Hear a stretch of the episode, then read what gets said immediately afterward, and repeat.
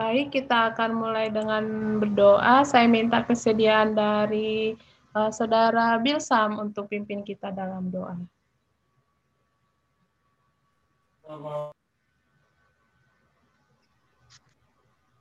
Baiklah, uh, suara saya sudah terdengar. Sudah, Bill, sudah. Halo? Ya, silakan, Bill, sudah. Bill. Oke teman semua, mari kita bersatu dalam doa. Mari kita bersatu dalam doa. Kami di sorga, terima kasih Tuhan Engkau sudah menjaga kami, menjang miku bekerja. Pada saat ini kami datang berkumpul Tuhan di Zoom untuk sama-sama mendengarkan firman-Mu untuk berbakti. Biarlah Tuhan Kau curahkan roh kudus-Mu kepada kami, supaya kami boleh mengerti firman-Mu dan kami boleh menerapkannya dalam kehidupan kami. Kau berkati juga Kak Willy yang akan membawakan materi, biarlah kau berkati lidahnya supaya apa yang dia katakan Tuhan hanya berasal daripadamu. Terima kasih Bapak di sorga, dalam nama Yesus kami berdoa. Amin. Uh, terima kasih untuk bisa. Baik teman-teman, uh, saya akan membuka break room. Uh, tujuannya adalah mungkin selama ini kalau saya tawarkan bersaksi di room besar, teman-teman katanya sepertinya malu ya untuk bersaksi di room besar. Nah, eh, kita akan fellowship selama 10 menit ke depan. Saya akan bukakan break room-nya. Nanti teman-teman boleh melakukan uh, memberikan kesaksian atau saling menguatkan dan saling mendoa. Dan di akhirnya nanti eh, masing-masing uh, akan saling mendoakan ya. Jadi uh, saya sih pengennya teman-teman bersaksi di ruang terbuka ini gitu. Tapi sepertinya aduh masih masih enggan atau masih malu. Nah, di break room ini teman-teman boleh saling fellowship, saling bersaksi, saling menguatkan, saling mendoakan. Saya kasih waktu sekitar 7 menit, oh 7 oh 10 menit lah, 10 menit ya. Saya kasih waktu 10 menit. Baik, akan saya bukakan roomnya. Silakan di accept untuk join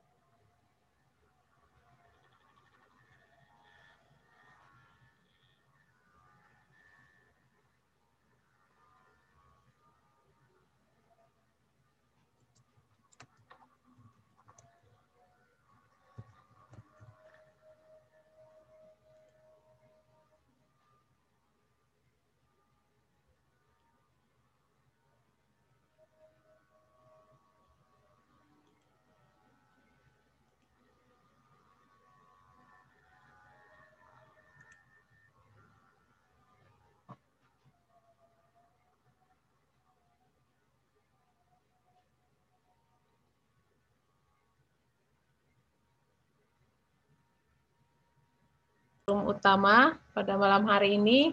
Semoga apa yang sudah disampaikan, disaksikan itu menjadi uh, sebuah kekuatan baru untuk kita semua ya dalam menghadapi hari-hari kita ke depan. Baik, kita akan mengikuti pelajaran kita hari ini. Uh, kalau ada yang ingat ini seri keberapa ya? Ada yang ingat ini seri keberapa? Ayo, seri keberapa ini? Keempat ya hari ini keempat karena sahabat lalu kita tidak ya karena diambil dengan uh, Bible study. Baiklah uh, pelajaran kita materi kita pada sahabat malam ini akan dibawakan oleh saudara Willy Alvarius. Masih lanjutan dari pelajaran kita dari yang sebelumnya dari perjalanan Petrus uh, Paulus dan Cornelius eh siapa? Cornelius ya siapa? Saya lupa. Barnab Barnabas. Nah, itu dia. Jadi, kita akan mengikuti kelanjutannya pada malam hari ini. Pada Saudara Willy, waktu ini saya berikan, dipersilakan. Oke, baik. Terima kasih, karena um, minta tolong ini ya, share screen ya. Oke, uh, selamat malam, selamat sahabat teman-teman semua. Uh, senang sekali rasanya kita boleh ketemu lagi ya di di apa namanya di ibadah Vesper kita sekaligus pendalaman Alkitab kita di malam hari ini. Uh, ini se sebenarnya seri yang kelima, bukan kan yang empat kemarin udah dari mulai pendeta, terus Bill Samrian, terus uh, Ferdi, terus pendeta Budi ya dan saya yang kelima. Nah, ini bagi teman-teman yang mungkin baru bergabung atau yang sudah bergabung juga nggak apa-apa, uh, apa sedikit flashback aja ya. Jadi pelajaran kita di uh, sepanjang beberapa bulan nanti ini ke depan itu adalah rangkaian dari uh, tentang sejarah kekristenan gitu, sejarah gereja mula-mula gitu. Jadi bukan nggak hanya sejarah gereja Advent tapi sejarah ke gereja secara umum ya, sejarah kekristenan secara umum gitu. Nah pentingnya apa? Pentingnya adalah dengan kita mengetahui bagaimana sejarah gereja mula-mula, kita akan bisa memahami bagaimana kekristenan hari ini gitu, baik kita sebagai orang-orang Advent ataupun kekristenan secara umum. Itu teman-teman. Dan ini kita memasuki seri yang ke lima dengan judul Konstantinus Agung dan Kekristenan. Nah, next.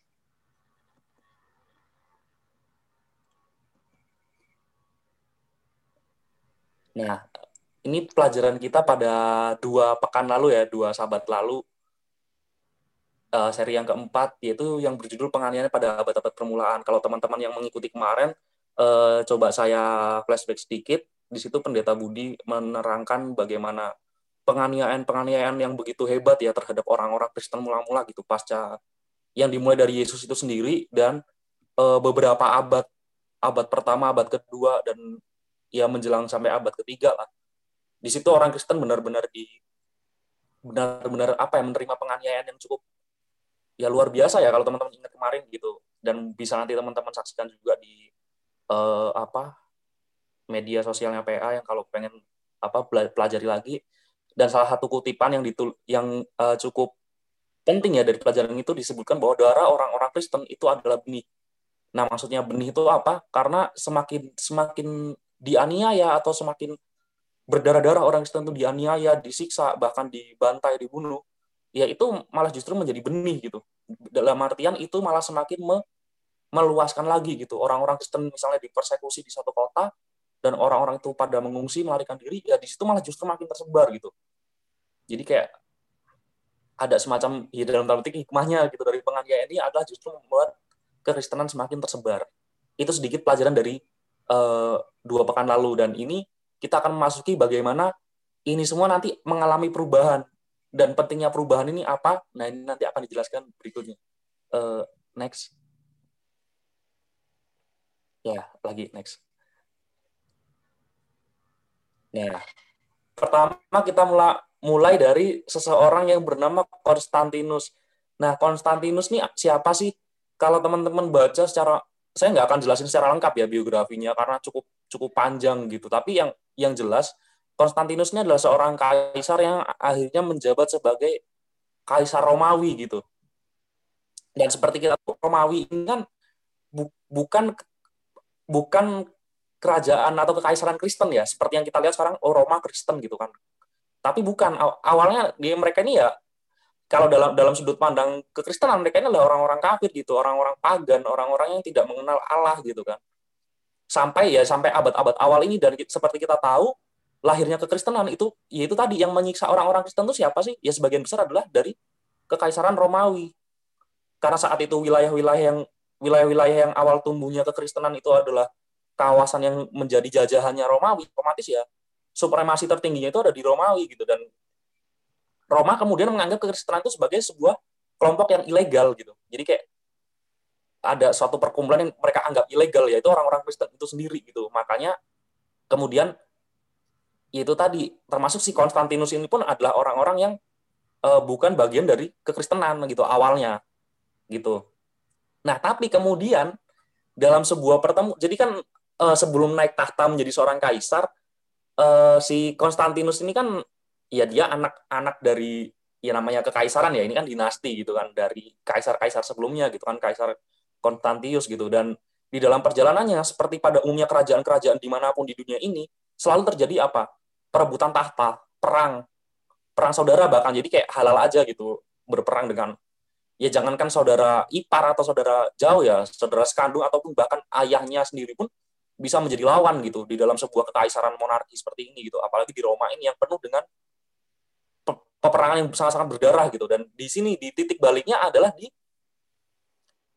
di pertempuran di jembatan Milvius ini di daerah Milvius ini di Roma juga sih di, di yang sekarang disebut kota Roma gitu sekitar itu jadi next di dalam pertempuran ini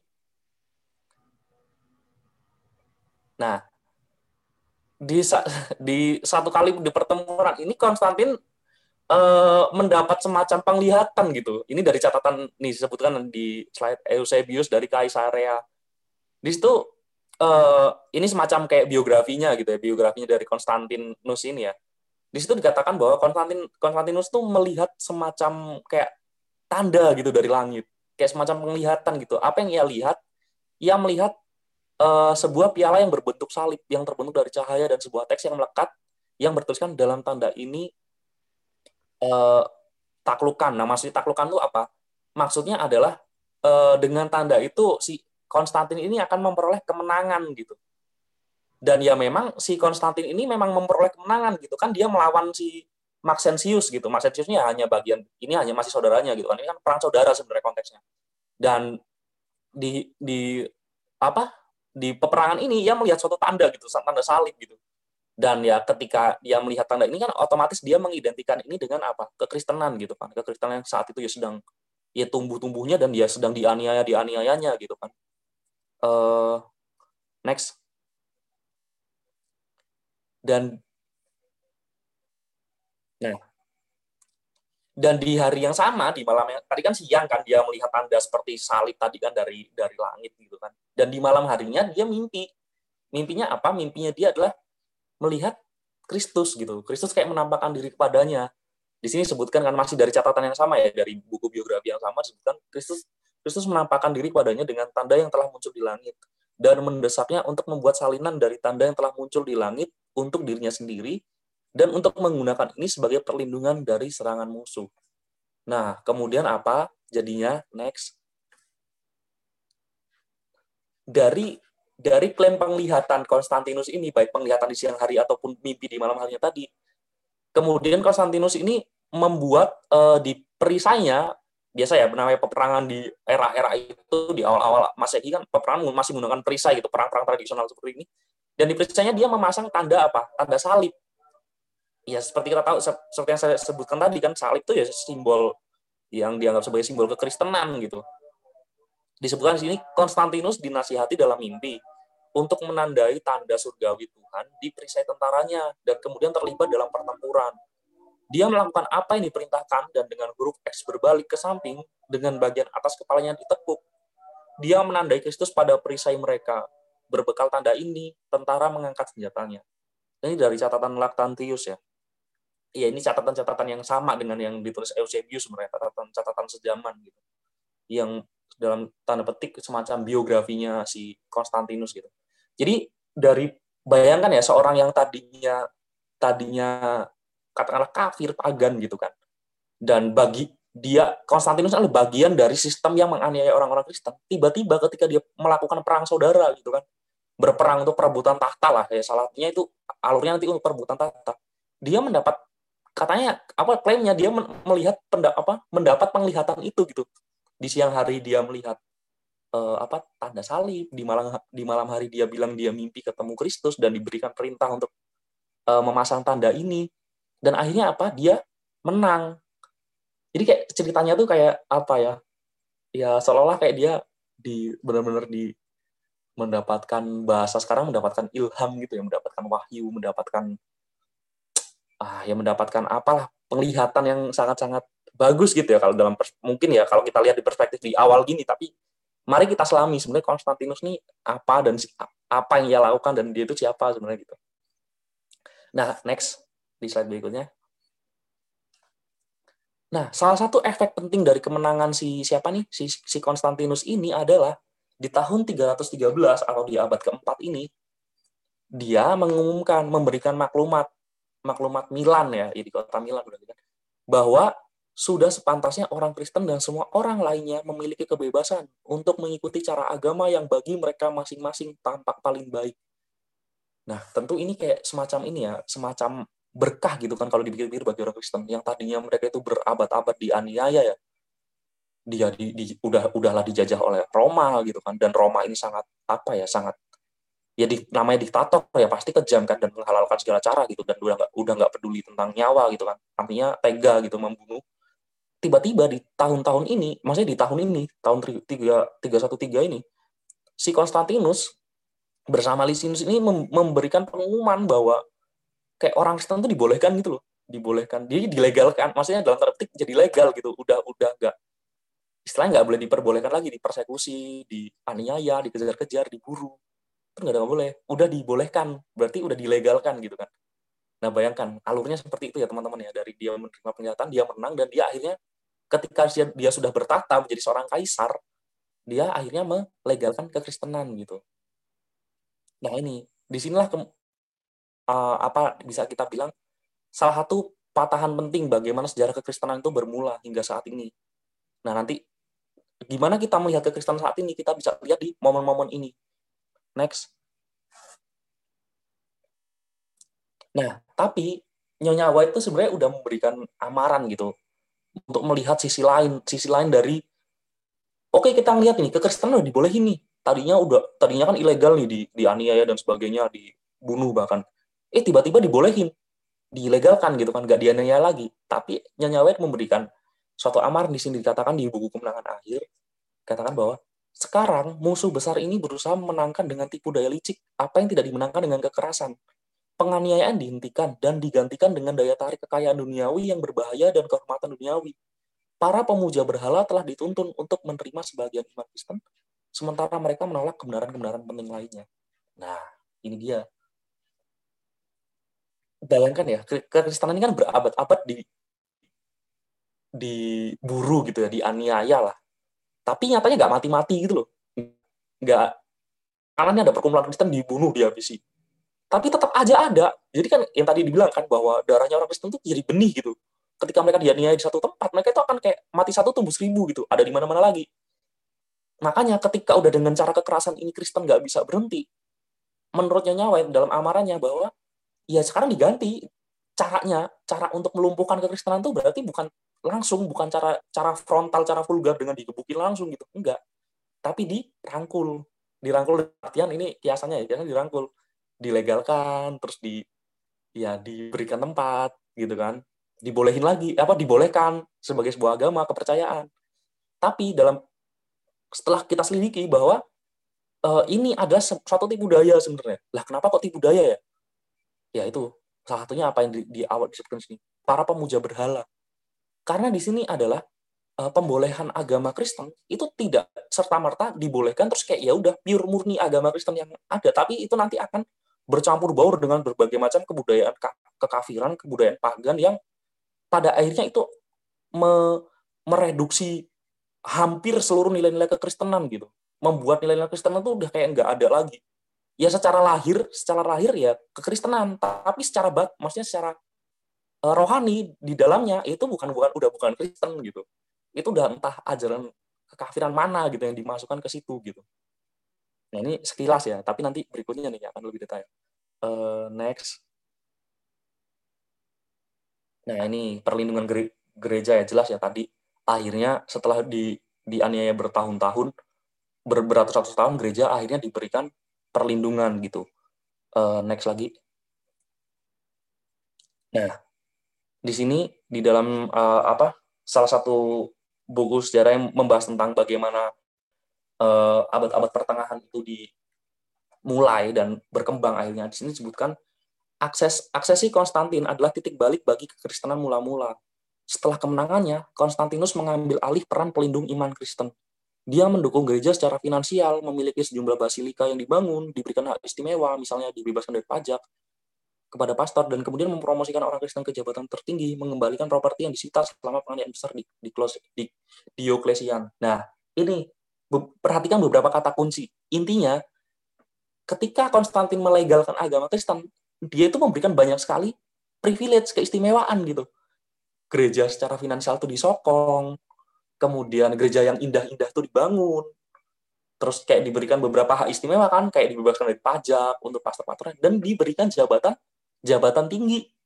Orang-orang Kristen dikasih jabatan, intinya dikasih hal-hal yang menyenangkan secara duniawi. Yang tak bayangkan yang awalnya disiksa habis-habisan, yang pelajaran dari pendeta Budi yang di dua sahabat dua uh, dua sahabat lalu, eh di, di setelah Konstantin bertahta di, di dan dia mengeluarkan dekret di tahun 313 di abad keempat ini, dia memberikan sangat keistimewaan yang luar biasa gitu loh. Bayangkan gereja di, dikasih sokongan secara finansial itu kan kayak ya siapa sih yang enggak maksudnya secara manusiawi siapa yang enggak sangat-sangat menyenangkan menyenangi ini gitu kan. Tapi ya ini ini semacam apa ya? Nanti akan kita bahas bahwa ini semacam ya ini jebakan ini inilah titik kenapa dibilang titik balik ya karena ini di, di legal diangkat tapi ternyata itu adalah cara untuk menjatuhkan dan membenarkan kekristenan selama berabad-abad kemudian berikutnya gitu. Uh, next. Nah ini uh, ini agak beralih sedikit ya. Ini bagaimana Konstantinopel itu membangun eh Konstantin si Kaisar Konstantin tadi pun dia membangun sebuah kota. Kota sebagai yang kemudian menjadi sebuah apa ya ya selain sebagai ibu kota kekaisaran Romawi juga sebagai uh, pusat dari kekristenan itu sendiri gitu kita lihat Konstantin itu sekarang Konstantinopel ya uh, nama nama kotanya karena didirikan oleh si Konstantin gitu kan yang sekarang menjadi sekarang dinamai sebagai kota Istanbul kalau sekarang di di Turki Nah, disebutkan di antara antara tahun 324 sampai 330. Jadi selama enam tahun nih, Konstantin tuh membangun kota ini selama enam tahun. Mendirikan sebuah kota yang disebut sebagai Roma baru. Ya, kalau Indonesia ini sekarang kayak punya Jakarta yang ingin diubah jadi pindah ke Kalimantan gitu, ibu kota baru. Ya, ini kurang, kurang lebih seperti ini gitu, analoginya gitu. Saat itu Konstantin membangun sebuah Roma baru. Roma Roma yang ya karena dia kekaisaran baru pengen memberikan suatu apa ya suatu ciri khas yang baru buat dia ya dia membangun sebuah kota yang baru Konstantinopel itu sendiri tidak seperti Roma tua kota ini mulai menerapkan arsitektur Kristen yang terang-terangan berisi gereja-gereja di dalam tembok kota dan tidak memiliki kuil dari agama lain yang sudah ada sebelumnya bayangkan jadi ini kayak suatu kota yang sangat istimewa buat orang Kristen seolah-olah ya saat itu gitu kan suatu kota yang tidak ada uh, tempat ibadah agama lain dan di situ dibangun gereja-gereja yang megah gitu kan. Next. Salah satunya ya ini. Hagia Iren. Nah, ini. Ya gitu nyebutnya mungkin ya, Hagia Iren gitu kan. Adalah gereja pertama yang ditugaskan oleh Konstantin di Konstantinopel. Jadi di sini nanti ada ada tiga ada tiga gereja gitu maksudnya tiga bangunan gereja yang megah gitu ada Hagia Iren ada Hagia Sophia yang terkenal kan sama Hagia Dinamis nah ketiga ini kayak tiga pusat kekristenan saat itu gitu Bayangkan betapa megahnya dan dapat mendapatkan pengistimewaan yang luar biasa kan kekristenan di zaman Konstantin gitu kan. Nah tapi apakah ini benar-benar pengistimewaan yang murni? Nah ini kita nggak tahu nih. Akan kita selidiki berikutnya. Nah, next. Nah, ini ya teman-teman ya, kembali lagi uh, naik tatanya si Konstantin tadi, ketika Konstantin menjadi kaisar, uh, tadi kan pertama titik baliknya adalah dia menjadikan Kristen itu sebagai sebuah agama istimewa gitu kan, dia istimewakan. Dan di dan dia pun nanti pada akhirnya dia me, me, me, mendakul orang yang pertama kali kaisar Romawi yang akhirnya menerima kekristenan sebagai agama dia gitu. Convert lah, convert menjadi Kristen gitu. Itu satu hal pertama. Yang kedua, ada satu momen penting yang membuat masa-masa Konstantin Konstantinus itu menjadi penting dan menjadi apa ya menjadi uh, memiliki pengaruh besar gitu bagi kekristenan di abad-abad berikutnya. Yang pertama ada konsili Nikea. Jadi ini konsili ini uh, ya ini di tahun 325 ya enggak sekitar beberapa ya sepuluhan tahun lah, dua belasan tahun setelah dia mengaku kekristenan dia akhirnya meng menginisiasi sebuah pertemuan para pemimpin gereja-gereja saat itu. Nah, jadi teman-teman eh, gereja, saat itu nggak tunggal ya, maksudnya kekristenan saat itu nggak tunggal. Banyak sekali gereja-gereja yang ada di sekitaran wilayah ya sekarang perbatasan Asia Eropa itu sekarang di sekitaran Turki dan sebagainya yang sekarang kita kenal dari Suriah sampai ke Mesir, sampai ke daerah Armenia, Georgia dan sekitarnya itu banyak gereja-gereja yang ya dalam tanda petik berdiri sendiri-sendiri gitu. Nah, dan kemudian di uh, next di salah satu di salah satu wilayah di Alexandria itu ada permasalahan gitu. Permasalahannya apa nanti ini ya? Apa namanya? Itu satu hal ya. Tapi yang yang jelas di konsili ini di konsili Nikea yang pertama ini itu di diinisiasi oleh selain diinisiasi oleh Konstantin Konstantinus ini tujuannya memang untuk kayak me, apa ya mencari gitu mencari sebenarnya ajaran gereja yang pas, yang benar tuh kayak apa gitu. Jadi kayak merumuskan gitu lah. Ini kayak konferensinya mereka, orang-orang para petinggi gereja-gereja yang ada di wilayah-wilayah yang sekarang menjadi itu ya perbatasan Asia Eropa itu ya gitu. Jadi ini pertama kali gitu dikumpulkan. Oh, apa ya? Aukim Aukumene lah kalau istilahnya sekarang gitu kan. Berbagai macam gereja tapi disatukan dalam satu kelompok untuk membincang suatu hal gitu. Tapi mereka tetap berdiri sendiri-sendiri hanya kemudian mereka melakukan penyeragaman ajaran gitu. Nah, next. Ini adalah to topik topik pembahasan yang uh, cukup urgent ya. Selain tadi mencari ya itu mencari uh, kesamaan ajaran soal kekristenan. Ini pertemuan ini salah satunya di, dimulai dari sebuah kontroversi sebenarnya. Kontroversi yang cukup cukup membuat rame gitu, membuat gaduh, membuat heboh ke dunia kekristenan saat itu gitu. Itu dimulai dari seorang yang bernama uh, siapa namanya Arius. Arius ini di sini disebutkan karena Arius itu seorang penatua gereja di Alexandria di Mesir gitu. Si Arius ini kayak punya pertentangan dengan si pemimpin gerejanya, si uskupnya gitu bahwa Arius ini punya pendapat bahwa Kris, Kristus Yesus itu bukan bukan bagian yang kayak bukan bagian integral dari Allah gitu. Jadi kayak uh, posisi posisi Kristus tuh nggak sama, nggak sama dalam artian gini. Kalau Allah kan kita yakini Allah itu ya nggak ada awal, nggak ada akhir gitu kan, kekal. Maksudnya maksudnya dia itu nggak ada yang ya karena dia bukan ciptaan, karena dia pencipta gitu kan. Jadi ya nggak ada awal, nggak ada akhir. Tapi si Arius ini punya pendapat bahwa Yesus sebagai seorang yang disebut anak Allah itu tuh ciptaan gitu, ciptaan si Allah. Jadi kayak ada suatu masa ketika Yesus tuh nggak ada dan nanti dilahirkan ke dunia jadi ada dan akan kekal gitu paham kan ya kira-kira teman-teman jadi seolah seolah-olah Yesus tuh terpisah gitu loh. Yesus tuh ciptaannya Allah juga gitu. Padahal kan dalam kepercayaan kita apa Trinitas gitu ya Allah itu ya Yesus gitu. Maksudnya satu kesatuan satu sama-sama tidak ada awal dan tidak ada akhir gitu kan. Maksudnya sama-sama satu hakikatnya tuh sama gitu sebagai Allah. Tapi Arius ini enggak. Arius meyakini bahwa Yesus tuh ya Yesus tuh ciptaannya Allah gitu. Jadi ada suatu masa ketika Yesus tuh nggak ada gitu ya. Ini kayaknya agak nyambung dengan yang beberapa waktu belakang ini ada juga ajaran seperti ini gitu kan di internal kita gitu kan. Mungkin loh ya. Jadi itu hal lain lah. Nah, di sinilah kemudian kemudian si jadi gini teman-teman, kenapa kenapa ini menjadi hal yang penting gitu bagi si Konstantin gitu, Konstantinus gitu. Kenapa dia pakai ikut-ikut urusan gitu. Nah, ini menjadi penting karena karena dengan hebohnya ada kayak semacam ajaran baru dari si Arius ini, ini akan menimbulkan ketidakstabilan gitu.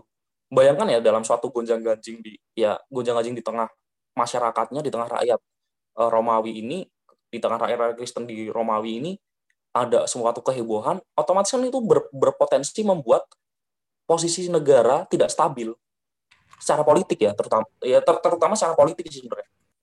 Nah, namanya hal yang membuat tidak stabil seorang kaisar yang emang menginginkan jabatannya itu langgeng, ya otomatis dia akan mencari cara untuk memecahkan masalah ini. Makanya digelar konsili ini. Salah satunya, salah satu alasan terkuatnya. Untuk kemudian memecahkan masalah ini supaya supaya masalah ini nggak berlarut-larut gitu. Nggak berlarut-larut dalam artian nggak apa namanya nggak menimbulkan kerusuhan lah gampangnya gitulah ya. Nah, tap, memang akhirnya konsili ini sendiri secara ringkasnya nih ya kalau teman-teman pengen tahu ya silakan dicari lebih detail lagi nih. Secara ringkas konsili ini akhirnya memang me, ya memutuskan bahwa ya Allah tuh ya Trinita maksudnya Tritunggal gitu. Allah Allah Bapa eh, Yesus dan Roh Kudus itu satu kesatuan satu hakikat. Jadi tidak ada yang tidak ada yang seolah itu diciptakan gitu enggak. Dan akhirnya intinya intinya Arius dengan ajaran Arianismenya ini udahlah di di di diputuskan bersalah salah gitu. Dan akhirnya si Aziz ini pun diasingkan gitu di di ekskomunikasi di diasingkan tuh apa ya dikucilkan lah gitu. Gitu intinya. Makanya kemudian next.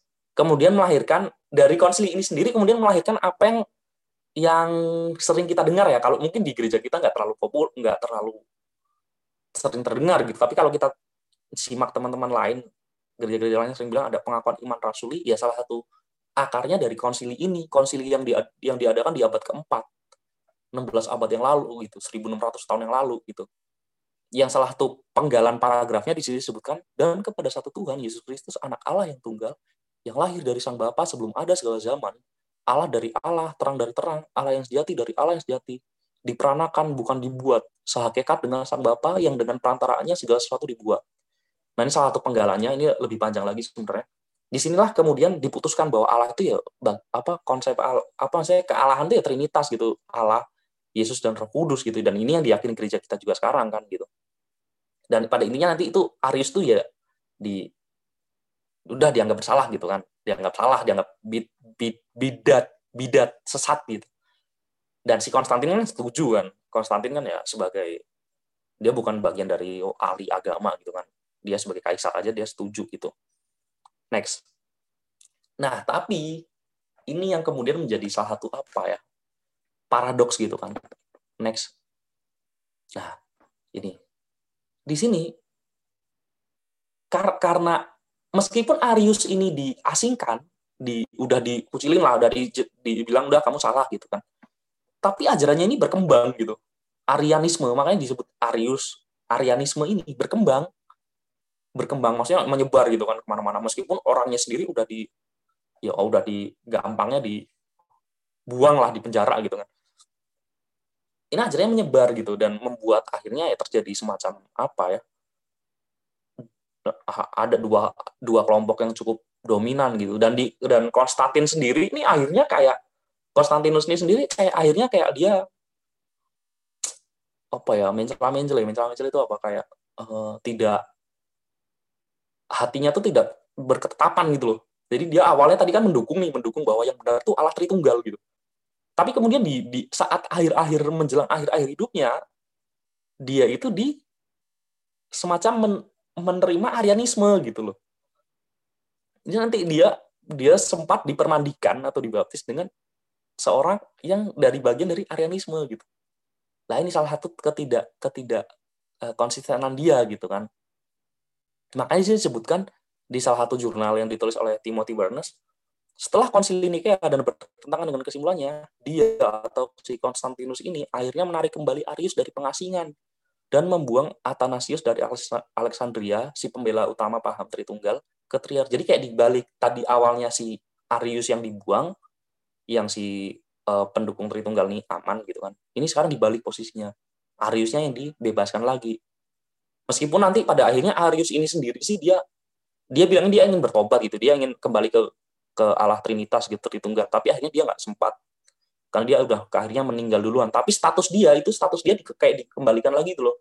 Awalnya sebagai orang yang udah dibuang dicabut jabatannya di ya udahlah itu ya di, di namanya dibuang ya. Udah tidak dianggap lagi. Eh di akhir-akhir dia itu dibalikin ke posisinya semula gitu. Artinya ada semacam kayak pengakuan terhadap arianismenya eh, terhadap ajaran dia kayak seolah diberikan tempat lagi gitu. Itu ya teman-teman ya. Uh, next. Nah, menyikapi soal Arianisme ini ya, yang berkembang juga di beberapa waktu belakangan, maksudnya hal-hal yang mirip ini berkembang yang belakangan ini kan. Di sini jelas ya, dari awal Nyonya White menekankan di dalam Alpha dan Omega Zilid 5, uh, posisi teologisnya Nyonya White dan juga ya pastinya posisi teologis gereja kita gitu sebagai gereja yang di saat ini didirikan oleh Nyonya White dibilang bahwa sejak masa kekekalan Tuhan Yesus itu Kristus Sejak masa kekekalan, Tuhan Yesus Kristus satu dengan Bapa. Dan di dalam Kristus adalah hidup yang asli, tidak dipinjam, tidak diperoleh dari orang lain. Ya artinya artinya ya memang Kristus, Allah dan Roh Kudus itu satu kesatuan gitu. Tidak ada yang ada duluan ada yang duluan ada dan yang dua lainnya itu diciptakan kemudian itu enggak ya tetap enggak ada yang kayak gitu gitu maksudnya itu jelas salah gitu Arianisme ini ya tidak tepat gitu kan dan Next. Berikutnya. Di doktrin GMAHK, kepercayaan dasar kita sebagai orang Advent, di situ doktrin disebutkan bahwa di doktrin keempat, anak Allah yang kekal menjelma dalam Yesus Kristus. Melalui dialah segala sesuatu diciptakan, sifat-sifat Allah dinyatakan, keselamatan manusia dilengkapkan, dan dunia dihakimi ialah ialah Allah yang sejati selama-lamanya juga menjadi manusia yang sejati yakni Yesus Kristus dikandung karena Roh Kudus dan dilahirkan melalui anak darah Maria. Ia hidup dan mengalami percobaan, pencobaan sebagai seorang manusia, akan tetapi melakukan dengan sempurna kebenaran dan kasih Allah. Melalui mujizat yang diperbuatnya, dia menyatakan kuasa Allah dan telah terbukti sebagai Mesias yang dijanjikan Allah.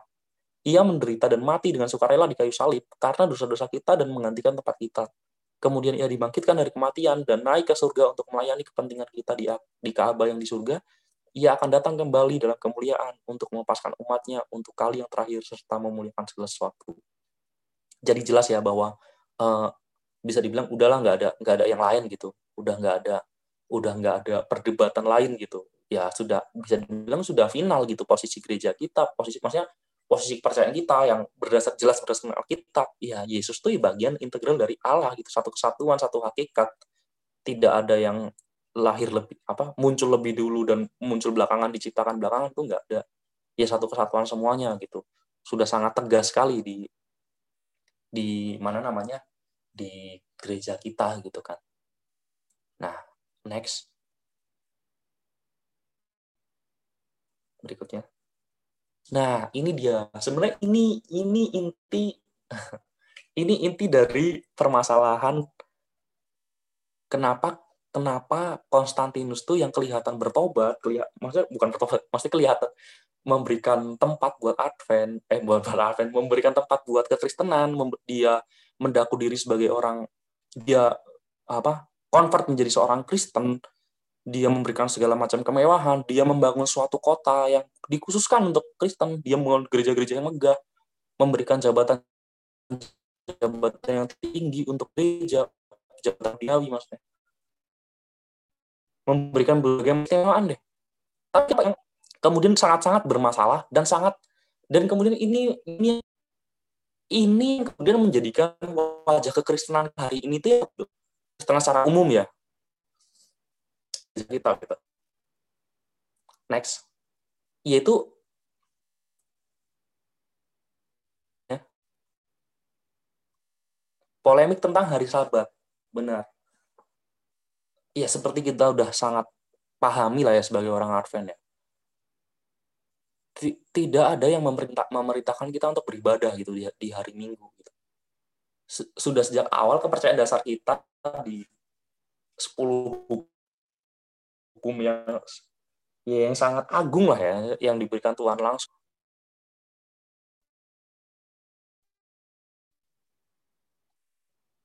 Sudah. Yang setelah ini. Oke aku lanjutin aja ya. Yang sudah sejak awal gitu kan dari dari awal kita diperintahkan untuk memelihara hari sabat kan. Nah ini ini. Di dari sabat ke minggu ini di situ jelas gitu kan kita tidak tidak perlu mempertanyakan lagi sebenarnya. Bahkan Kristus sendiri itu kan memelihara hari sabat gitu kan. Kristus itu jelas dijelaskan maksudnya di dalam Injil pun jelas gitu kan. Kristus itu Yesus sewaktu di dunia ini kalau hari sabat ke mana ya? Ke bait tanah atau untuk menyucikan hari sabat karena karena dia sebagai orang Yahudi dia memiliki print maksudnya perintah itu kan awalnya diturunkan pada orang Israel gitu. Dia sebagai bagian dari orang Israel ya dia memelihara hari sabat itu gitu nah tapi ini yang menjadi permasalahan di zaman Konstant maksudnya kenapa Konstantin ini penting kita bahas di malam hari ini karena di zaman dia inilah hari sabat tuh beralih ke hari Minggu secara resmi secara ofisial gitu maksudnya disahkan di dipatenkan gitu bahwa udah bukan hari Sabat ini dikuduskan tapi hari Minggu gitu. Nah ini disebutkan di di Oxford Dictionary of the Christian Church. Kaisar Konstantinus yang memutuskan bahwa orang Kristen tidak boleh lagi melihara Sabat dan hanya memelihara sampai hari Minggu. Bagian akhir dari pertama begitu dan menyebutnya sebagai hari yang mulia matahari. Orang Kristen membenarkan tindakan ini karena pada hari itu Yesus telah bangkit dari mati dan di mana Roh Kudus kepada jadi uh, ya seperti yang sering kita dengar ya argumennya kenapa memelihara hari Minggu gitu kan ya karena yang kita sucikan. Nah tentu saja tapi kan tidak ada perintahnya gitu loh. Ya kalau kita mau me, me, me, memperingati ya nggak ada salahnya. Tapi berikan suatu hari yang khusus untuk di khusus untuk umat-umatnya itu memiliki hubungan yang khusus gitu. Disucikan dan tidak melakukan kegiatan lainnya itu harus sahabat gitu kan udah jelas gitu loh makanya ini menjadi hal yang aneh gitu dan kenapa minggu ya hari minggu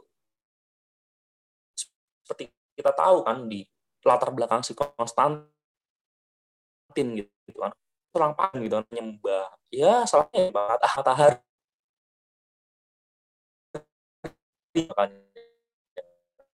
tadi gitu ya. awal-awal mula abad permulaan masehi permulaan Kristus ini kemudian beralih sedemikian rupa gitu menjadi hari hari Minggu uh, next inilah yang kemudian disebut oleh Nyonya White sebagai sebuah tindakan kompromi. Disebutkan dalam kemenangan akhir dikatakan, pada permulaan abad keempat, Kaisar Konstantin mengeluarkan suatu dekrit yang membuat hari Minggu menjadi hari perayaan umum di seluruh Kaisaran Romawi. Hari matahari itulah dipuja oleh orang-orang kafir dan telah dihormati oleh orang-orang Kristen. Adalah kebijakan kaisar untuk mempersatukan kepentingan yang bertentangan antara kekafiran dan kekristenan. Ia telah didorong untuk melakukan ini oleh para bisop bisop gereja yang diilhami oleh ambisi dan kehausan akan kekuasaan. Dengan pertimbangan jika hari yang sama dipelihara oleh baik orang Kristen maupun orang kafir, maka akan meningkatkan penerimaan orang-orang kafir terhadap kekristenan dan dengan demikian memajukan kuasa dan kemuliaan gereja. Jelas ya motifnya apa? Ya motifnya motifnya eh, apa sih bahasanya? Keunggulan diri gitu loh maksudnya. Jadi ketika ketika hari hari yang harusnya sahabat ini di, di hari Sabtu dan kemudian dialihkan ke hari Minggu, ini adalah bagian dari sebuah taktik diplomasi. Diplomasi yang akhirnya benar-benar menghancurkan kekudusan sebuah hari itu sendiri gitu loh. Kekudusan kekristenan itu sendiri diremukan gitu. Nilai-nilai ke, kekudusan nilai-nilai itu sendiri dihilangkan sama sekali gitu. Yaitu kenapa motifnya di, dibuat di hari Minggu seperti yang Nyawet bilang bahwa ya supaya supaya orang-orang yang non Kristen bisa menerima gitu loh, bisa menerima dan seolah melihat kayak wah orang Kristen ini bisa kayak apa ya? ya bukan toleransi ini kayak bisa kompromi lah gitu. Bisa bernegosiasi lah gitu. Dan ini ini akhirnya kan kayak apa seolah-olah nanti kan dipandangnya Kristen ini sebagai sesuatu oh ini berarti bagus gitu kan. Makanya dibilangnya di akhir di akhir paragraf ini bilang kan dan dengan demikian memajukan kuasa dan kemuliaan gereja.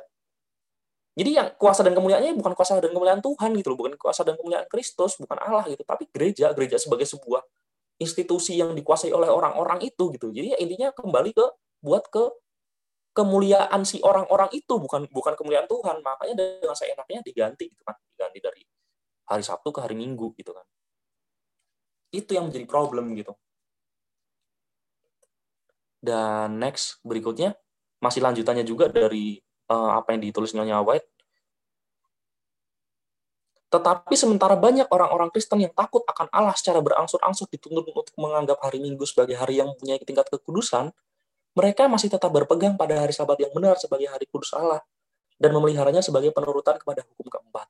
Nah, itu kan meskipun pada akhirnya si uh, melalui dekretnya si siapa namanya si Konstantinus ini uh, akhirnya hari hari Minggu itu ditetapkan sebagai hari hari peribadatannya gitu ya tapi tetap ada orang yang bertahan tetap menguduskan hari Sabat.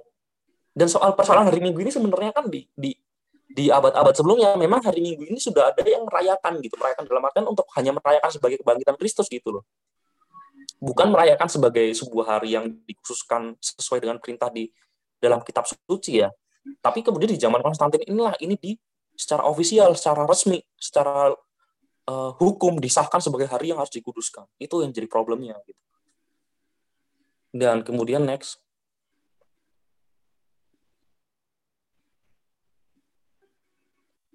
Next. Nah, ya. Ini ini jadi dapat disimpulkan oleh Nyonya White bahwa uh, pertobatan si Konstantinus ini pertobatan yang munafik gitu. Kenapa munafik? Disebutkan bahwa da, dan keduniawian yang diselubungi suatu bentuk kebenaran telah memasuki gereja sekarang pekerjaan yang korup berkembang dengan pesat. Kekafiran yang tampaknya akan kalah akhirnya menjadi pemenang. Roh kekafiran menguasai jemaat. Ajarannya, upacara-upacaranya, dan tahayul telah digabungkan ke dalam perbaktian orang-orang yang mengakui pengikut Kristus. Kompromi antara kekafiran dan kekristenan mengakibatkan berkembangnya manusia durhaka yang diramalkan di dalam nubuatan sebagai sebagai yang melawan dan yang meninggikan dirinya melebihi Allah. Sistem raksasa agama palsu itu adalah sebuah karya kuasa setan sebagai monumen usahanya untuk mendudukan dirinya sendiri di atas tapanya untuk memerintahkan dunia ini menuruti kehendaknya. Nah, jelas ya, sambil teman-teman baca lagi ya kalau saya bacanya kecepatan di slide ini. Jelas bahwa disimpulkan apa? Pada akhirnya, apa yang dilakukan oleh Konstantinus ini, itu tadi. Pertama, dia akhirnya menjadi orang yang uh, ikut dalam bagian gerbong orang-orang yang menganut Arianisme. Orang-orang yang percaya bahwa Yesus itu bukan bagian dari kealahan, hanya ciptaan gitu kan. Dan yang kedua adalah itu tadi ini dan ini yang sangat sangat penting ya saya pikir sangat sangat mengubah wajah kekristenan hari ini. Kenapa hari hari ini kekristenan merayakan bukan hari Sabat gitu kan? Ya lihat di di masa inilah di abad keempat inilah itu berubah gitu kan. Orang yang awalnya memang masih merayakan hari Sabat ini merayakan secara ya karena ini kan dilembagakan oleh negara ya, dilembagakan oleh sebuah sistem sistem yang sangat sistem yang sangat kokoh, sangat diktator, diktatorial gitu kan. Kemudian apa? Merayakan hari Minggu sebagai hari yang seolah-olah dikuduskan gitu loh. Ini saya kira saya kira salah satu poin penting pembahasan kita malam hari ini gitu untuk melihat apa sih pentingnya kita tahu sejarah kekristenan kita? Ya ini gitu kan.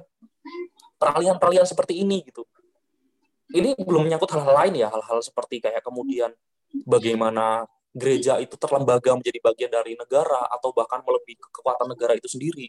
Bagaimana penguasa-penguasa gereja saat itu yang kemudian ber, berperilaku seolah sebagai wakil Tuhan mempunyai hak untuk meng, menghukum me, mengampuni dosa mem, me, memecat raja seolah dia bertindak sebagai Tuhan gitu saat itu. Ini suatu bentuk penyimpangan-penyimpangan yang luar biasa dan ini sudah dinubuatkan juga sebenarnya. Dan kalau boleh saya bacakan di dalam 2 Tesalonika 2 ayat yang ketiga sampai yang keempat dikatakan di situ, janganlah kamu memberi dirimu disesatkan oleh orang dengan cara yang bagaimanapun juga. Sebab sebelum hari itu haruslah datang dahulu murtad dan haruslah dinyatakan dahulu manusia durhaka yang harus binasa, yaitu lawan yang meninggikan diri di atas segala yang disebut atau yang disembah sebagai Allah. Bahkan ia duduk di bait Allah dan mau menyatakan diri sebagai Allah. Ini ya poinnya ya. Yaitu lawan yang meninggikan diri di atas segala yang disebut atau yang disembah sebagai Allah. Ia meninggikan diri meninggikan diri seolah-olah dia sebagai Allah dan duduk di dan seolah-olah ia duduk di bait Allah dan menyatakan dirinya sebagai Allah. Dan itu siapa? Ya seperti sudah kita tahu semua ya, itu siapa gitu kan. Nah, inilah yang kemudian uh, penting untuk kita ketahui di saat ini gitu. uh, ini mungkin hanya ini teman-teman pelajaran kita malam hari ini untuk mengetahui bagaimana patahan-patahan dalam sejarah Kristen yang dimulai tadi dari dari penganiayaan, kemudian setelah dianiaya secara luar biasa, dibantai dan di, akhirnya menyebar mana-mana. Eh, kekristenan akhirnya ditaklukkannya nggak dengan cara dibantai, karena ternyata dengan cara kekerasan, Kristen nggak berhasil dipatahkan, nggak berhasil dikubur gitu. Ternyata cara mengubur kekristenan adalah dengan merangkulnya, merangkulnya dan memberikan dia dielus-elus, disayang-sayang, dikasih tempat yang bagus. Ternyata itu adalah cara untuk membenamkan kekristenan sampai sekarang. Tapi bersyukurnya adalah masih tersisa segelintir orang yang tetap berusaha mem menghidupkan apa yang sudah diteladankan Kristus di awal-awal Kristus hidup ya. Maksudnya di awal-awal abad permulaan ketika, ketika Kristenan bertumbuh dengan benar, dengan baik. Untungnya masih ada yang tetap mempertahankan itu. Di, bahkan di zaman abad ke-8 sekalipun, berabad-abad ke-8 ya di Eropa ya dari abad ke-4 sampai abad ke abad ke berapa ya? Abad 15-an lah mungkin lah sekitar itulah pokoknya. Dan akhirnya masih bertahan sampai ke sekarang ada yang memegang kebenaran itu gitu. Dan tentu kita harus harus sedikit apa ya sedikit banyak kita harus bersyukur kita orang-orang sekarang sudah diberitahu gitu mana yang yang benar gitu kan dan kita, harapannya adalah kita tetap bertahan dalam kebenaran ini gitu itu sih mungkin yang bisa saya sampaikan silahkan teman-teman kalau mungkin yang ada ditanyakan atau apa saya kembalikan ke uh, pembawa acara.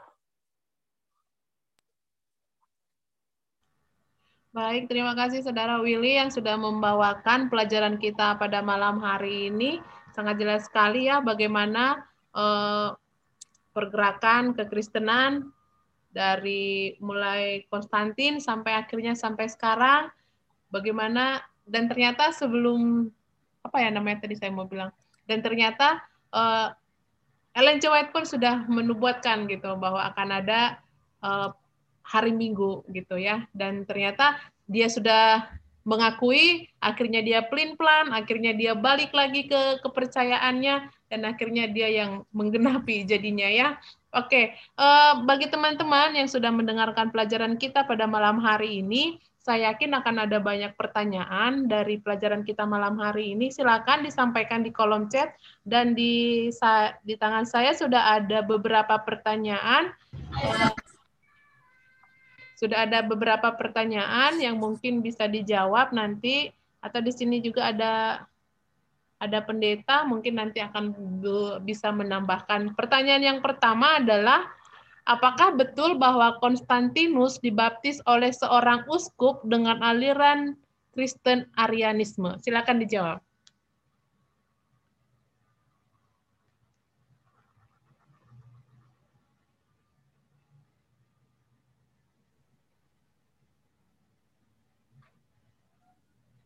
Sorry, ulangi dong. Uh, ya tadi sempat nge-freeze ya. Oke, saya ulangi. Pertanyaannya adalah, apakah betul bahwa Konstantinus dibaptis oleh seorang uskup dengan aliran Kristen Arianisme?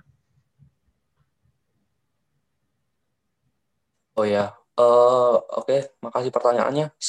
Tadi udah sempat saya singgung sedikit sih sebenarnya. Uh, di di masa menjelang akhir-akhir hidupnya, Konstantinus tadi sempat dibab aku bilang dipermandikan tadi kan atau ditis gitu oleh seorang yang bernama Eusebius. Eusebius ini bukan Eusebius, eh, Eusebius sejarawan ya. Eusebius ini kan ada beberapa nama yang serupa gitu kan. Yang berasal dari Nikomedia. Nikomedia ini seingatku kalau nggak salah mungkin bisa di cross lagi ya kalau salah dari daerah yang sekarang disebut Libya di Afrika bagian utara disebut ke bawah di situ si uh, Konstantinus dipermandikan oleh si Eusebius ini Nah, kenapa kenapa kemudian disebut akhirnya si Konstantinus seperti masuk ke Arianisme karena si si yang si yang ini yang si uskup ini ya adalah bagian dari Arianisme gitu. Ya ya mungkin ya jelas lah ya, ketika dia memilih untuk dipermandikan oleh seorang yang berasal dari Arianisme ya otomatis dia secara nggak langsung kan mengakui gitu mengakui apa yang dibawa oleh si yang memandikan mempermandikan dia gitu membaptis dia gitu kan dan memang seperti seperti kita tahu di akhir menjelang akhir hidupnya si Arius sendiri itu dia pun dibebaskan gitu loh. Artinya ketika tadi di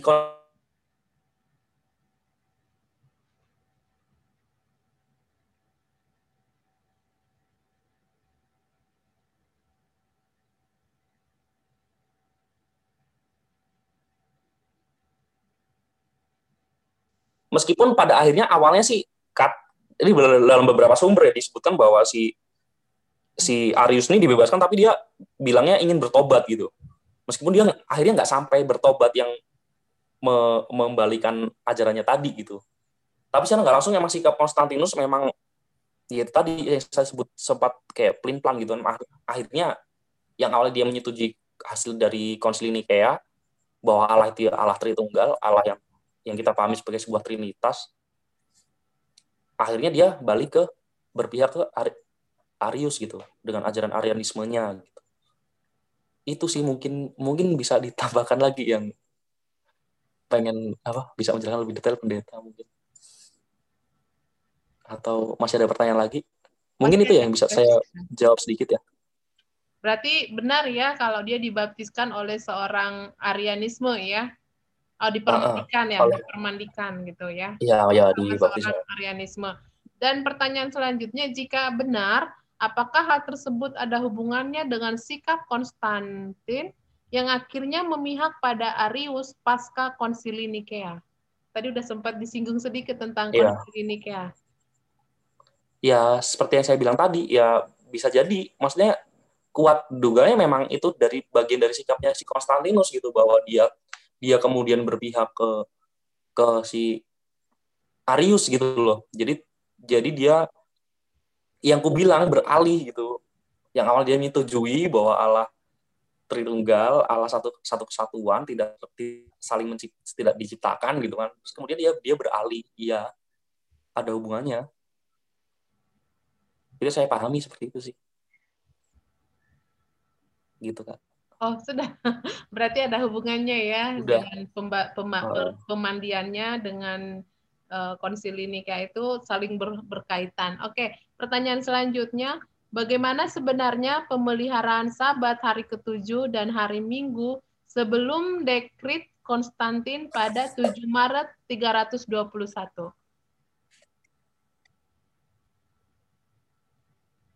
Eh, ulangi, ulangi. Bagaimana sebenarnya pemeliharaan hari Sabat, hari ketujuh, dan hari Minggu sebelum dekrit Konstantin pada 7 Maret 321? Ya, uh, ya tadi yang aku sempat singgung juga ya di bagian-bagian rada akhir tadi di tulisannya Nyawait di kemenangan akhir. Ini aku kutipin uh, kutipkan langsung ya dari tulisannya Nyawait dibilang bahwa di kemenangan akhir Mula-mula perubahan ini tidak dilakukan secara terbuka. Pada abad-abad pertama, hari sabat yang sebenarnya telah dipelihara oleh semua orang, telah dipelihara oleh semua orang Kristen, mereka menjaga kehormatan Allah dan percaya bahwa hukumnya tidak bisa diubah. Dengan bersemangat, mereka menjaga kesucian ajarannya, tetapi dengan pelicikan yang amat sangat, setan bekerja melalui agen-agennya untuk mencapai tujuannya, agar supaya perhatian orang-orang boleh dialihkan pada hari Minggu. Hari itu telah dijadikan hari pesta perayaan menghormati kebangkitan Kristus dan diadakan juga upacara keagamaan pada hari itu. Namun hari Minggu itu dianggap sebagai hari rekreasi karena hari Sabat masih dipelihara sebagai hari kudus. Nah, iya, jadi sebenarnya di, di sejak awal-awal abad-abad permulaan pun uh, beberapa, maksudnya ada juga orang yang, maksudnya beberapa orang Kristen pun merayakan hari Sabat itu gitu, eh merayakan hari Minggu, tapi bukan merayakan dalam artian mengganti Sabat ya, mengkhususkan hari Minggu gitu enggak. Mereka merayakan itu sebagai bagian dari peringatan peringatan kebangkitan Yesus di hari Minggu. Ya memang Yesus berangkat di hari Minggu gitu kan. Dan di hari itu pun mereka masih melakukan kegiatan lain, rekreasi dan sebagainya gitu kan. Hari-hari yang dipeliharanya tetap hari Sabat. Tetap yang dikuduskan, disucikan ya hari Sabat. Nah ini cuman permasalahannya gini juga.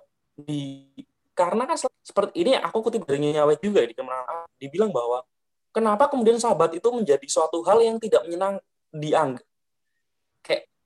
kenapa orang akhirnya itu gampang untuk udah kamu hari Minggu aja gitu, nggak hari Sabat gitu. Karena hari Sabat di zaman orang-orang Yahudi itu dipelihara secara benar-benar kayak secara legalis gitu loh, secara ketat, secara saklek, secara maksudnya secara kayak jadi beban gitu kan. Tidak boleh ini, tidak boleh itu. Pokoknya semua semua seperti tidak boleh.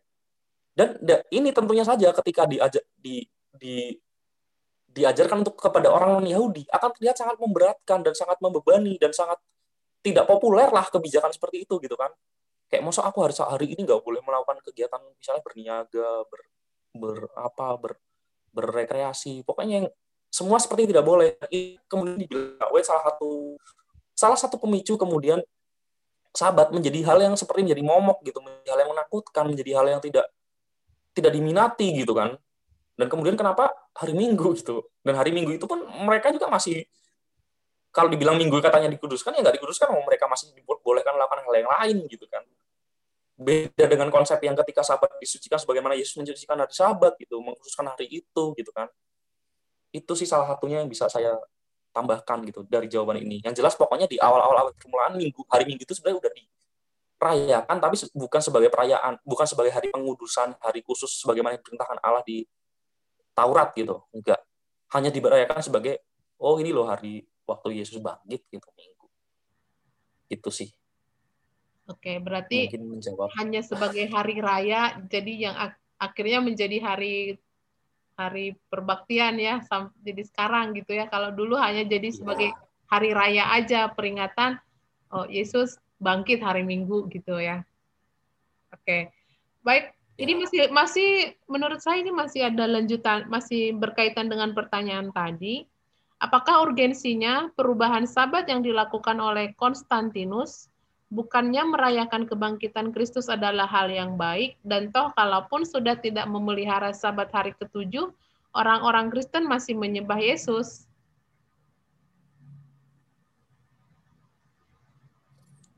Nah, dia kalau ini jawab pertanyaannya saya butuh bantuan ya. Uh, tentu saja ini mungkin jawabanku nggak terlalu memuaskan sih, tapi nanti mohon dibantu uh, pendeta mungkin boleh bantu. Yang jelas memang memang seperti itu argumennya kayak ya semua hari itu kan sama, semua hari itu baik, semua hari itu memang diciptakan Allah gitu kan. Ya tapi tidak gitu loh. Maksudnya tidak dalam artian gini. Ada satu satu hari yang sudah di uh, apa ya?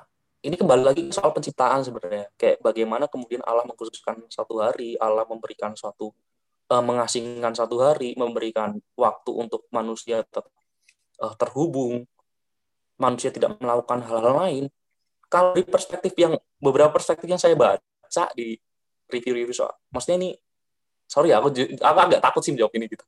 Tapi jelas uh, ini adalah bagian dari kita untuk melepaskan diri dari dunia sebenarnya. Iya, memang kita saat ini memang benar kita tinggal di dunia nih. Kita terhubung dengan dengan hal yang berbau. Ya semualah aspek kehidupan kita ya aspek kehidupan dunia gitu kan. Secara lahir, secara luaran gitu kan inilah sebenarnya satu satu hari yang sudah Allah khususkan untuk kita melepaskan diri gitu. Kita nggak jualan misal di hari Sabat. Ya artinya kita nggak apa, nggak menjadi manusia yang materialis gitu, nggak yang konsumtif, nggak yang manusia yang memikirkan harta gitu. Makanya kita nggak jualan misal di hari Sabat, nggak boleh berniaga, nggak boleh membeli, nggak boleh menjual, gitu kan. Apalagi contohnya nggak boleh melakukan apa lagi ya, ya bekerja bekerja itu ya bagian dari itu tadi kan. Bagian dari kita me, me, merasa membutuhkan suatu materi duniawi untuk hidup toh. Bekerja bekerja yang dalam artian profesi yang ini ya. Misalnya kita saya apa mahasiswa gitu kuliah gitu itu sih uh, esensi utamanya mungkin. Tapi ya itu tadi saya saya jujur aja agak-agak takut menjawab ini karena takutnya jawaban saya tidak tepat. Tapi yang saya tangkap seperti itu kenapa? Walau mungkin gini kan yang kalaupun kita nggak merayakan hari sabat kita tetap menyembah Yesus kok. Tuhan kita tetap Yesus. Yo enggak gitu yo ya benar kamu tetap Tuhan Yesus dalam pengakuanmu. Tapi jika kamu mengakui Yesus itu adalah Tuhanmu apa yang dia lakukan itu yang kamu teladani gitu kan? Yesus ngapain waktu di dunia ini hari sabat? Yo ke, ke bait bait yo ke sin, apa sinagog ya maksudnya ke ke rumah ibadah lah gitu beribadah menguduskan gitu kan ya itu berarti kan poin-poin utamanya itu kan dan Yesus melakukan itu pun karena emang hukum Allah pun menyebutkan itu gitu kan di hukum di keluaran gitu. Nah mungkin saya minta dilengkapi yang kurs untuk yang di penciptaan ya saya agak bingung. Tapi secara esensial seperti itu. Oke terima kasih. Emang agak-agak agak sensitif ya ini ya. Mungkin Pendeta Dedi boleh melan, uh, memberikan penjelasan tambahan dari uh, pertanyaan yang tadi sudah saya bacakan. Apa urgensinya gitu? Toh hari Minggu, hari Sabat sama-sama menyembah Tuhan yang sama gitu. Apa sih kenapa harus harus harus hari Sabat gitu? Nah, urgensinya apa gitu dengan keadaan ini gitu? Oke, ini pertanyaannya hebat-hebat ya. Tadi Yuli sudah jelas itu. Jadi Oh nanti segini saya kasih nanti satu buku Samuel Bakyoki from Sabbath to Sunday. Jadi yang pasti perubahan itu sebenarnya adalah latar belakang politik ya ya. Jadi uh, tidak murni soal karena agama ya, tapi itu masalah politik yang paling kuat di sana sebenarnya. Sebab uh, orang Yahudi itu kan di bawah kontrolnya Romawi dan mereka sering memberontak kepada kaisar. Jadi orang-orang Kristen yang non Yahudi sering diasosiasikan dengan Yahudi juga. Jadi supaya ada perbedaan yang jelas antara orang Kristen dan Yahudi, akhirnya pelan-pelan mereka kemudian mengikuti tradisi ya uh, perayaan hari Minggu itu, yaitu perayaan hari raya uh, Dewa Matahari itu ya, yang dirayakan oleh kekafiran pada masa itu. Jadi supaya kelihatan mereka itu berbeda, bahwa mereka bukan bukan bagian daripada orang Yahudi yang sering memberontak kepada Romawi, maka itu perubahan yang pelan-pelan itu pelan-pelan pelan-pelan nah akhirnya sampai kemudian itu menjadi sebuah perubahan yang menyeluruh yang dianggap sebagai satu hal yang normal dan benar sehingga sampai saat ini itulah yang terjadi. Jadi uh, itu adalah masalah politik di sana ada. Itu sebabnya terjadilah perubahan itu di sana. Itu nanti melengkapi saja. Jadi nanti saya akan coba kasih bukunya bahasa Inggris tapi ya supaya bisa lebih tahu lagi sejarah sahabat itu ke minggu. Dan bagaimana sejarahnya? Selama ini kan kita hanya tahu hanya sekilas, tapi ini diterangkan kebetulan penulisnya itu adalah memang dia adalah ahli sejarah gereja kita dia tamat uh, doktornya dari satu-satunya Protestan dari Universitas Gregorian Pontifical di Roma ya uh, jadi dia memang menulis dan pembimbingnya itu adalah seorang apa namanya itu ya uskup pastor ya apa namanya Eh, pakar-pakar profesor Katolik juga. Nanti supaya kita sejarah sejarahnya. Saya pikir itu saya tambahkan. Baik, terima kasih Pak Pendeta. Satu lagi pertanyaan yang melalui kolom chat kepada saya. Pertanyaannya adalah, peristiwa apa yang memberikan ide kepada Konstantin untuk menjadi Kristen? Apakah ada penolakan atau apa yang dipikirkan kaum elit lainnya yang tadinya membenci orang-orang Kristen? Oh ya, uh, tentu saja kalau uh, momen momen kenapa kemudian si siapa tadi namanya Konstantinus beralih menjadi Kristen dari seorang pagan lah katakan sebelumnya, ya itu tadi uh, di satu pertempuran ya. Ini ini berdasarkan biografinya si biografinya si ini ya si Konstantinus bahwa di satu pertempuran di jembatan apa tadi? Uh, lupa aku. Di satu jembatan tadi lah pertempuran pertempuran ini pertempuran itu di Roma terjadi di Roma dan melawan si saudaranya sendiri bisa dibilang. Oh di jembatan Milvius. Ya terima kasih Rian.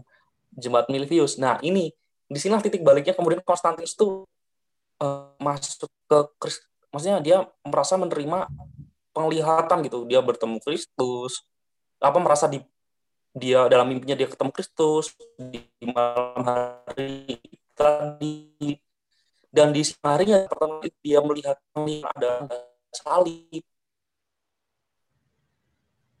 di langit bahwa nah terus ini kalau aku aku analisis dari biografi ini dia, dia itu kayak bisa dibilang si Konstantinus tuh kemudian beralih karena dia merasa aku dari kayak diberkati gitu loh.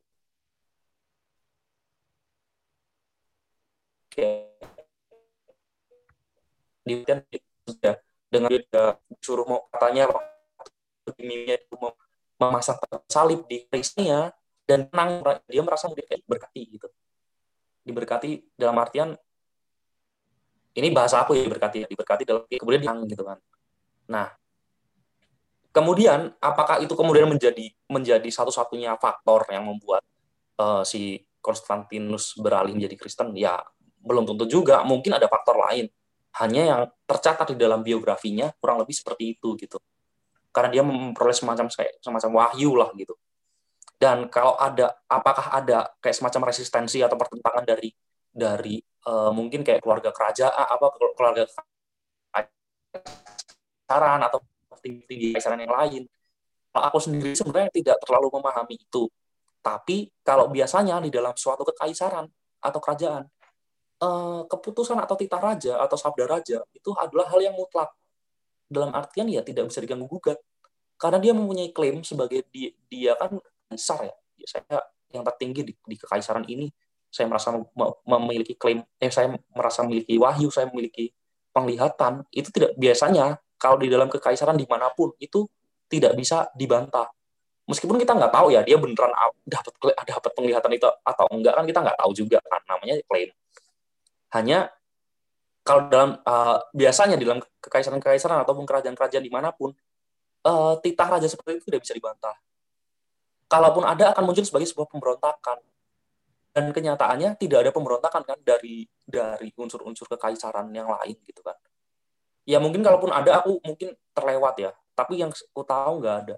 Jadi ya memang kemudian kemudian apa namanya uh, ya udah diterima diterima kekristenan kekristenan diterima dilegalkan dan kemudian sampai dibangunkan sebuah kota dibangunkan tiga gereja yang besar-besar kan Hagia Sophia, Hagia Dinamis sama Hagia Ieren tadi kan. Bayangkan kalau sudah sampai ke taraf itu artinya memang kekristenan sangat-sangat diterima. Entah motifnya apa kemudian yang kita tadi bahas yaitu kemudian yang hasilnya seperti itu gitu kan. Tapi yang jelas itu diterima sih. Itu mungkin yang bisa aku jawab. Kalau ada yang mau menambahkan tidak apa-apa. Oke, terima kasih. Semoga uh, dapat memberi jawaban, eh, menjadi jawaban ya dan satu lagi tadi ada sebuah tambahan dari pertanyaan apa urgensinya uh, memelihara hari Sabat atau sama-sama menyembah Tuhan, mau itu hari Sabat maupun hari Minggu tadi ada sebuah tambahan dikatakan mungkin seperti Paus Prancis lebih jelas menyatakan dengan menjadikan hari Minggu hari istirahat atau sama dengan Sabat Yahudi dengan urgensi melawan climate change tertulis di Laudato SI 2031. Mungkin itu tak jawaban tambahan tadi ya dari yang pertanyaan sebelumnya. Nah, untuk pertanyaan yang terakhir ini uh, uh, Rian akan memberikan jawaban tambahan. Silakan Rian. Ya. Untuk pertanyaan terakhir aku ada mau tambahin uh, dari pihak keluarga kerajaan ada nggak yang menentang? Uh, jadi si Kaisar Konstantin ini menurut catatannya Eusebius dari Kaisarea, sebenarnya sebelum dia jadi Kristen, mamanya dia ini udah Kristen. Mamanya si Kaisar Konstantin. Kalau dikenal mamanya biasa dikenal dengan nama Santa Helena. Nah, kalau kita dengar nama Santa Helena misalkan salah satu orang kudus gitu ya dalam eh, Kristenan Barat ya, terutama gereja Roma gitu ya. Santa Helena ini adalah mamanya Kaisar Konstantin. Santa Helena ini udah duluan Kristen daripada Kaisar Konstantin. Jadi misalkan Kaisar Konstantin jadi Kristen setelah menerima penglihatan atau mendapat penglihatan di jembatan Milvius itu, apakah ada pertentangan dari keluarga? Ya kemungkinan besar enggak, karena pada awalnya mamanya sendiri udah jadi Kristen yang si Santa Helena ini. Nah, dan kemungkinan mamanya Kristen kan anggota keluarga kerajaan yang lain yang juga Kristen. Jadi kalau untuk menjawab bagian dari apa adakah pertentangan dari keluarga kerajaan kemungkinan besar enggak ya karena bahkan sebelum Konstantinus sudah ada anggota keluarga kerajaan jadi Kristen. Walaupun Santa Helena si mamanya Konstantin ini juga Arianisme Kristennya, Kristen Arianisme, tapi ya ya Kristen gitu. Baik, terima kasih untuk jawaban tambahan yang melengkapi ya, melengkapi dari uh, jawaban dari Saudara Willy tadi. Mungkin masih ada teman-teman yang ingin bertanya atau ada teman-teman yang ingin memberikan penjelasan tambahan atau dari pendeta ada penjelasan tambahan atau dari Bilsa mungkin silakan Bil. Aku, mau tanya sebenarnya, tapi bukan tanya pertanyaan sih, tanya pandangan. Jadi uh, apa ya? Aku secara pribadi udah sering banget, mungkin bukan bukan aku aja lah, hampir semua Advent pasti udah pernah udah sering udah pernah dengar lah nama Konstantin ya, Konstantin, Konstantin sahabat Minggu Konstantin apalagi semenjak kita uh, COVID ini kan pasti banyak banget tuh webinar-webinar apa di antara di Hope Channel lah atau di mana lah yang bahas tentang sahabat ke minggu, sahabat ke minggu. Nah, terus aku ter, terkejut dengan apa ya? Bagaimana kita menjelaskan doktrin Advent tapi tidak dalam pendekatan Alkitab gitu. Itu cuma pendekatan sejarah doang loh. Dari tadi itu nggak ada satu ayat pun yang dipakai kan. Kayak kita membuktikan bahwa doktrin sahabat itu ada dan established sudah lama dan itu yang benar. Kita cuma pakai pembuktian historis. Nah, tapi paradoksnya adalah aku ingat satu kutipan ya, mungkin beberapa dari kita tahu, terutama Kak Willy ya. Ini dari bukunya Harari, Homo Deus ya, di bab terakhir agama data, dia bicara bahwa seperti ini kutipannya. Terjemahan bebasnya seperti ini. Uh, pada di, di awal sebelum abad ke-20 dan awal abad ke-20, cara kita untuk menghentikan informasi adalah dengan melakukan sensor. Tapi pada masuk abad ke-20 dan seterusnya, cara kita menghentikan informasi adalah memberikan sangat banyak informasi. Ya, saking banyaknya informasi, jadi kita tuh nggak tahu mana yang benar, mana yang salah.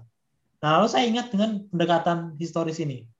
Menurut Kak Willy, apakah apa ya? Nah, tahu kan maksudnya uh, arahnya ke mana gitu.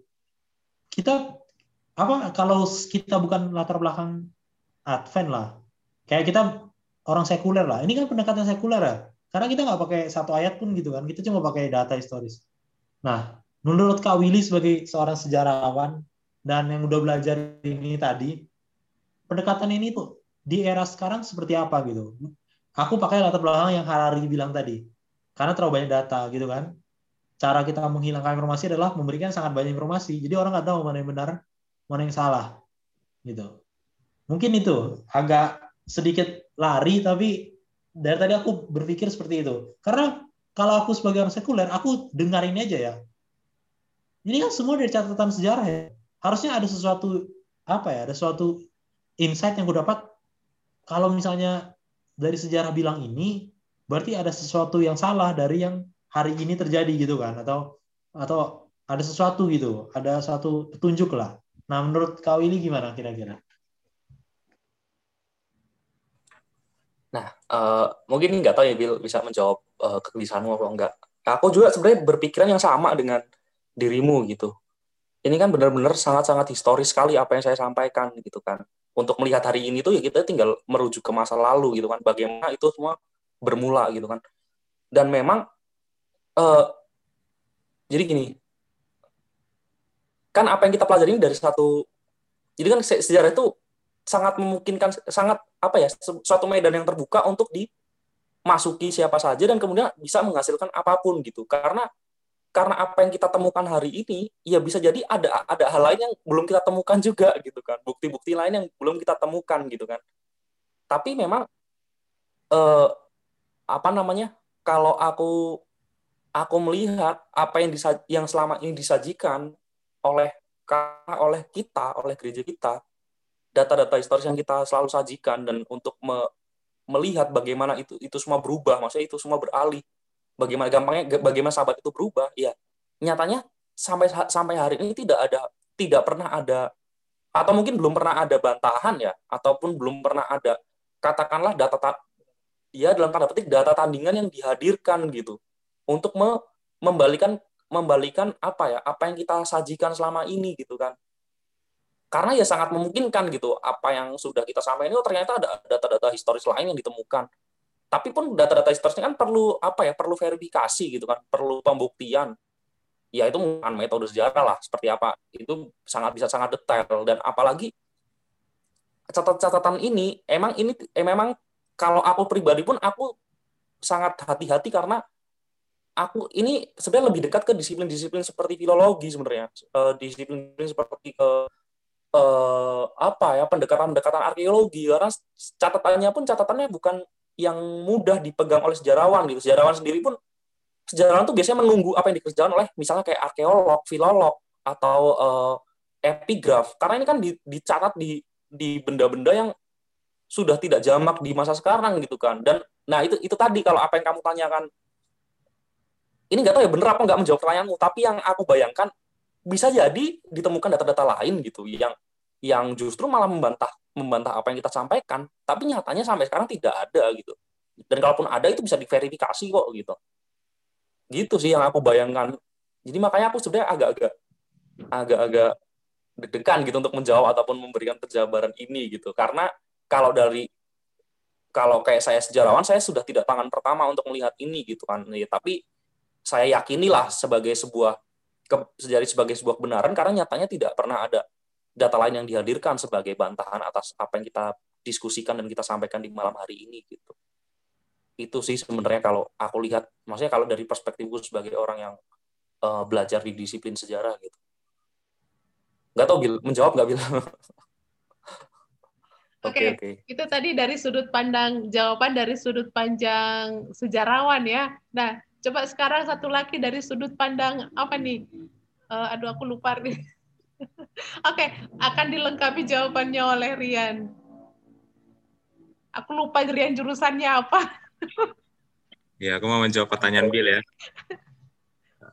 Sebenarnya uh, sebenarnya kebenaran itu ada mashabnya ya. Kebenaran itu ada mashabnya. Dan itu nggak harus selalu agama. Kebenaran itu ada alirannya dan itu nggak harus selalu agama. Gitu. Itu yang pertama. Jadi eh, misalnya waktu Bill bilang ngutip Harari gitu kan, ya apa cara dengan apa tadi terlalu dengan memberikan terlalu banyak informasi gitu kan. Nah, itu sebenarnya masalahnya memang jadi masalah rezim kebenaran yang paling baru. Rezim kebenaran yang paling baru itu kan namanya post truth ya. Post truth dan post modern gitu kan. Nah, jadi ada beberapa banyak ada beberapa banyak rezim kebenaran. Misalnya misalnya kalau di antropologi itu kan ada beberapa aliran besar, ya kan? Yang pertama misalkan fungsionalisme, misalkan menilai segala sesuatu dari fungsinya. Berarti kalau menilai ajaran agama juga dari fungsinya, misalkan ya kita pokoknya beragama harus bertujuan akhirnya berbuat baik misalkan gitu kan. Kalau nggak berbuat baik ngapain beragama misalkan gitu. Itu fungsi. Tapi ada juga yang nggak fungsi misalnya. Yang nggak fungsi tapi struktur. Nah gitu. Tokohnya misalkan Malinowski atau siapa misalkan. Nah kalau masalahnya si eh, postmodern masalah postmodern ini postmodern ini adalah sebuah kerangka pemikiran yang tidak percaya adanya kebenaran absolut eh, nggak percaya dengan hanya naratif atau ini kan pemahamannya gereja-gereja terutama kekristenan pemahamannya kan antara dua ya. Kalau pemahamannya bukan evolusionis ya pemahamannya modernis. Kalau di evolusionis dia percaya segala sesuatu itu berkembang secara terus-menerus dari satu titik ke titik lain dan itu tunggal. Misalnya pemahaman gereja Advent tentang progres percaya progres kebenaran yang semakin bertambah. Jadi terang yang semakin dibukakan benderang. Nah itu kan pahamnya evolusionis. Jadi kebenaran itu kita nggak ngerti, sepanjang zaman berkembang jadi ngerti. Nah, atau modernis. Dalam modernis itu ada meta naratif, ada gambaran besar. Gambaran besarnya misalnya apa? Oh ada pertentangan besar. Oh ini sahabat diubah Konstantin atau diubah secara perlahan sebelum Konstantin atau Konstantin itu pertentangan besar semuanya setan misalkan gitu. Nah itu kan gambar. Nah, masalah yang Bill sampai kalau postmodern itu kayak gambaran besar, nggak percaya adanya meta naratif. Nah, itu sebenarnya itu oke okay untuk nggak percaya adanya meta naratif. Cuman untuk masalah historis itu bisa di bisa dibahas bisa di bisa dipersempit walaupun paradigmanya beda. Aku misalkan aku pakai modernis, Bill pakai postmodern, Isarya sendiri ini juga dalam catatan lagi kamu secara langsung yang Konstantin. Jadi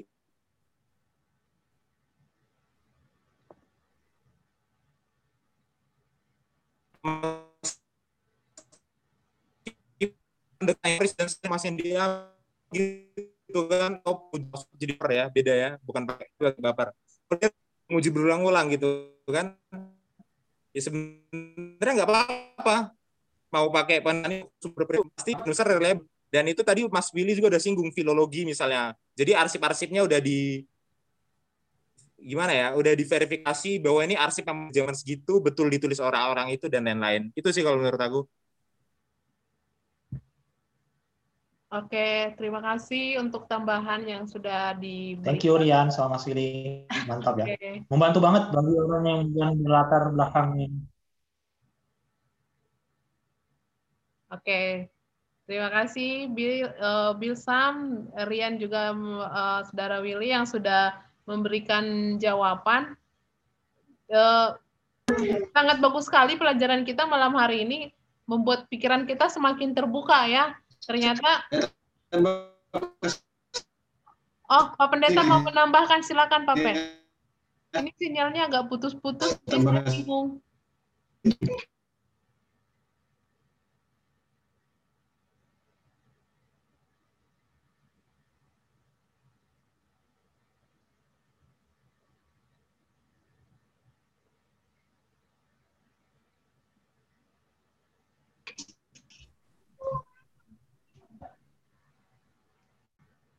Jelas ya?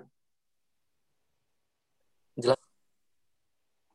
Oke, jadi apa yang diterangkan tadi Saudara Willy kan berdasarkan historisnya karena uh, apa yang sedang dipersoalkan dituliskan dalam sejarah itu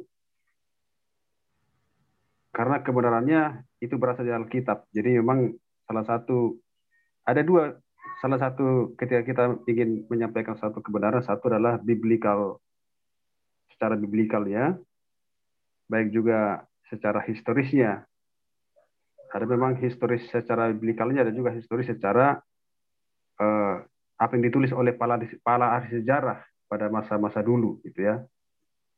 Nah, jadi uh, perkabaran utamanya adalah tetap apa yang ditulis di Alkitab kita bisa buktikan bahwa sabat itu adalah hari yang ketujuh, baik pada masa penciptaan, pada masa masa Israel, pada pembuangan, pada zaman Yesus, para rasul-rasul, sampai abad pertama kekristenan.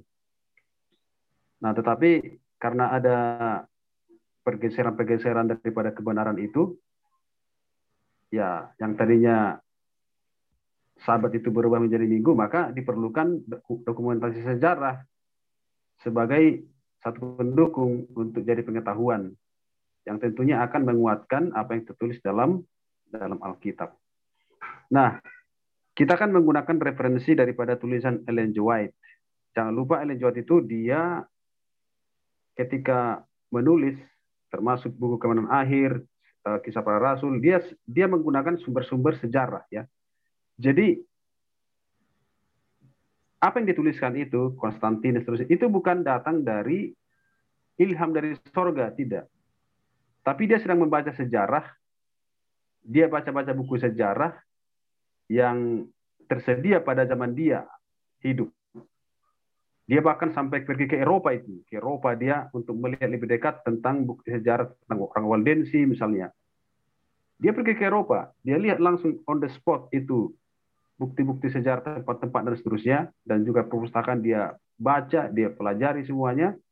Walaupun nggak sempurna mungkin dia punya pemaparan sejarah, tetap ada kekurangannya, tapi dia juga membaca sejarah-sejarah buku-buku yang tersedia pada zaman dia dia hidup. Jadi uh, itulah sebabnya apa yang dituliskan itu cocok dengan sejarah-sejarah kita baca. Ya, karena memang sumbernya juga dari buku-buku sejarah zaman dulu. Jadi penting kita satu belajar Alkitab, secara biblikalnya kita pelajari, lalu kalau kita juga mau lihat juga secara uh, buku sejarah, tentunya kita bisa cari di perpustakaan kita.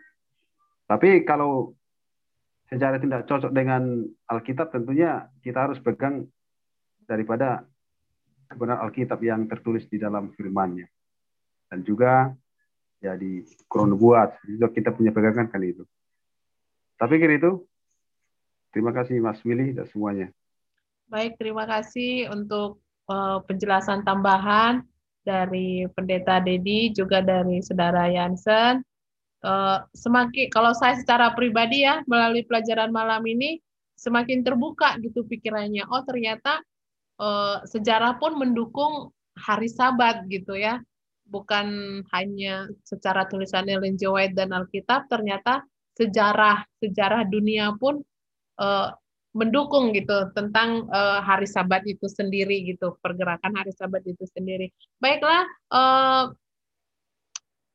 apa ya? uh, terima kasih kepada Saudara Willy yang sudah membawakan pelajaran kita pada malam hari ini. Untuk yang terakhir, Mas Willy, uh, apa ada closing statement dari pelajaran kita pada malam hari ini? Ya, uh, sedikit mungkin ini ya uh, dari pelajaran kita malam hari ini. Uh, mungkin kalau kita nggak sanggup untuk mengingat secara detail nggak apa-apa karena emang sejarah itu kadang agak membosankan ya kalau diingat secara detail. Tapi secara garis besar kita mesti paham bahwa bagaimana uh, sejarah apa maksudnya keadaan hari ini itu bisa kita apa lihat di masa lalu. Dan setelah kita tahu, ternyata kita harus bersyukur sekarang orang-orang yang hidup di orang-orang yang bilang kita maksudnya kita menyebut diri kita orang-orang yang hidup di dalam kebenaran, hidup di dalam gereja yang emang gereja yang sisa. Setelah kita tahu bagaimana itu semua berubah, berubah di saat itu di sekian abad yang lalu, ya sudah sepertinya tidak ada kebenaran lain yang akan yang yang benar gitu ya yang benar ya cuma di sinilah dan bertahanlah semua orang-orang muda di tempat yang benar ini gitu karena kita sudah tahu mana yang benar dan mana yang enggak alangkah alangkah sialnya gitu ketika kita udah tahu udah tahu mana yang benar dan salah kita oh menyeberang ke yang salah gitu aduh sedih banget kalau itu itu aja sih mungkin yang bisa kita refleksikan dari pelajaran sejarah kita malam hari ini Terima kasih. Terima kasih untuk pelajaran kita malam hari ini. Biarlah pelajaran kita malam hari ini menjadi pelajaran yang baru, pemahaman yang baru juga buat kita. Seperti tadi dipesankan, ketika kita sudah berada di dalam kebenaran, janganlah memilih jalan lain untuk mencari kebenaran yang lain gitu. Karena kita sudah berada di jalan yang benar, yang sesuai dengan uh, firman Tuhan. Baik, kita akan mengakhiri perbaktian kita pada malam hari ini. Nanti saya minta saudara siapa namanya? Saudara Semi nanti sebagai doa penutup. Sorry, sebentar.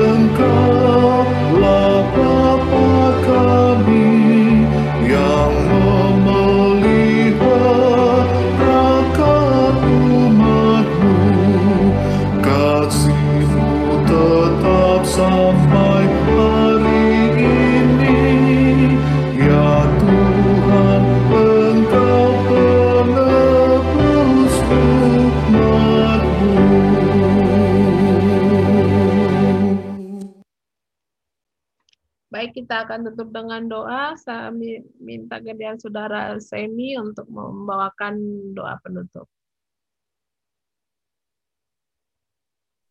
Baiklah, mari kita bersatu dalam doa. Bapak surga, terima kasih atas kebenaran firman Tuhan yang kami boleh pelajari dan diskusikan pada malam hari ini. kiranya pelajaran ini uh, ditambah dengan bukti-bukti sejarah dapat meneguhkan iman dan percaya kami untuk terus menyembah Allah dan berbakti pada hari Sabat Kudus Tuhan yang Tuhan telah tetapkan melalui firman Tuhan. Dan berikanlah roh kudus Tuhan kepada kami orang-orang muda agar tetap berjalan sesuai dengan kebenaran firman Tuhan. Berkati juga orang-orang muda, Timoho khususnya, dalam perpiahan dan juga pekerjaan. Kiranya engkau lah memberikan berkat-berkat dan juga kesuksesan dari surga. Ke juga umat-umat Tuhan, kiranya Tuhan memberkati. Oh Tuhan, uh, malam telah menjadi bagian kami, dan kiranya Engkau akan memberkati kami sepanjang peristirahat kami malam ini dan besok pagi kami boleh uh, kembali untuk memuji dan memuliakan nama Tuhan. Terima kasih atas persekutuan malam hari ini. Kiranya Engkau memberkati kami ya Tuhan dari malam ini hingga hari Maranatha. Terima kasih Tuhan, ampunilah segala dosa dan kesalahan kami, karena kami serahkan doa ini hanya dalam nama Yesus yang menjadi Tuhan dan Juru Selamat. Amin. Amin. Baik, terima kasih. Eh, teman-teman uh, boleh buka kameranya, kita akan mengambil foto. Uh, silakan dibuka kameranya sebelum kita berpisah. Mari kita nyalakan kameranya. Ya, sebagai dokumentasi ya. Masih ada dua orang, tiga, empat. Oke, Baiklah. Baiklah, satu, dua, tiga. Sebentar ya. Tahan sebentar.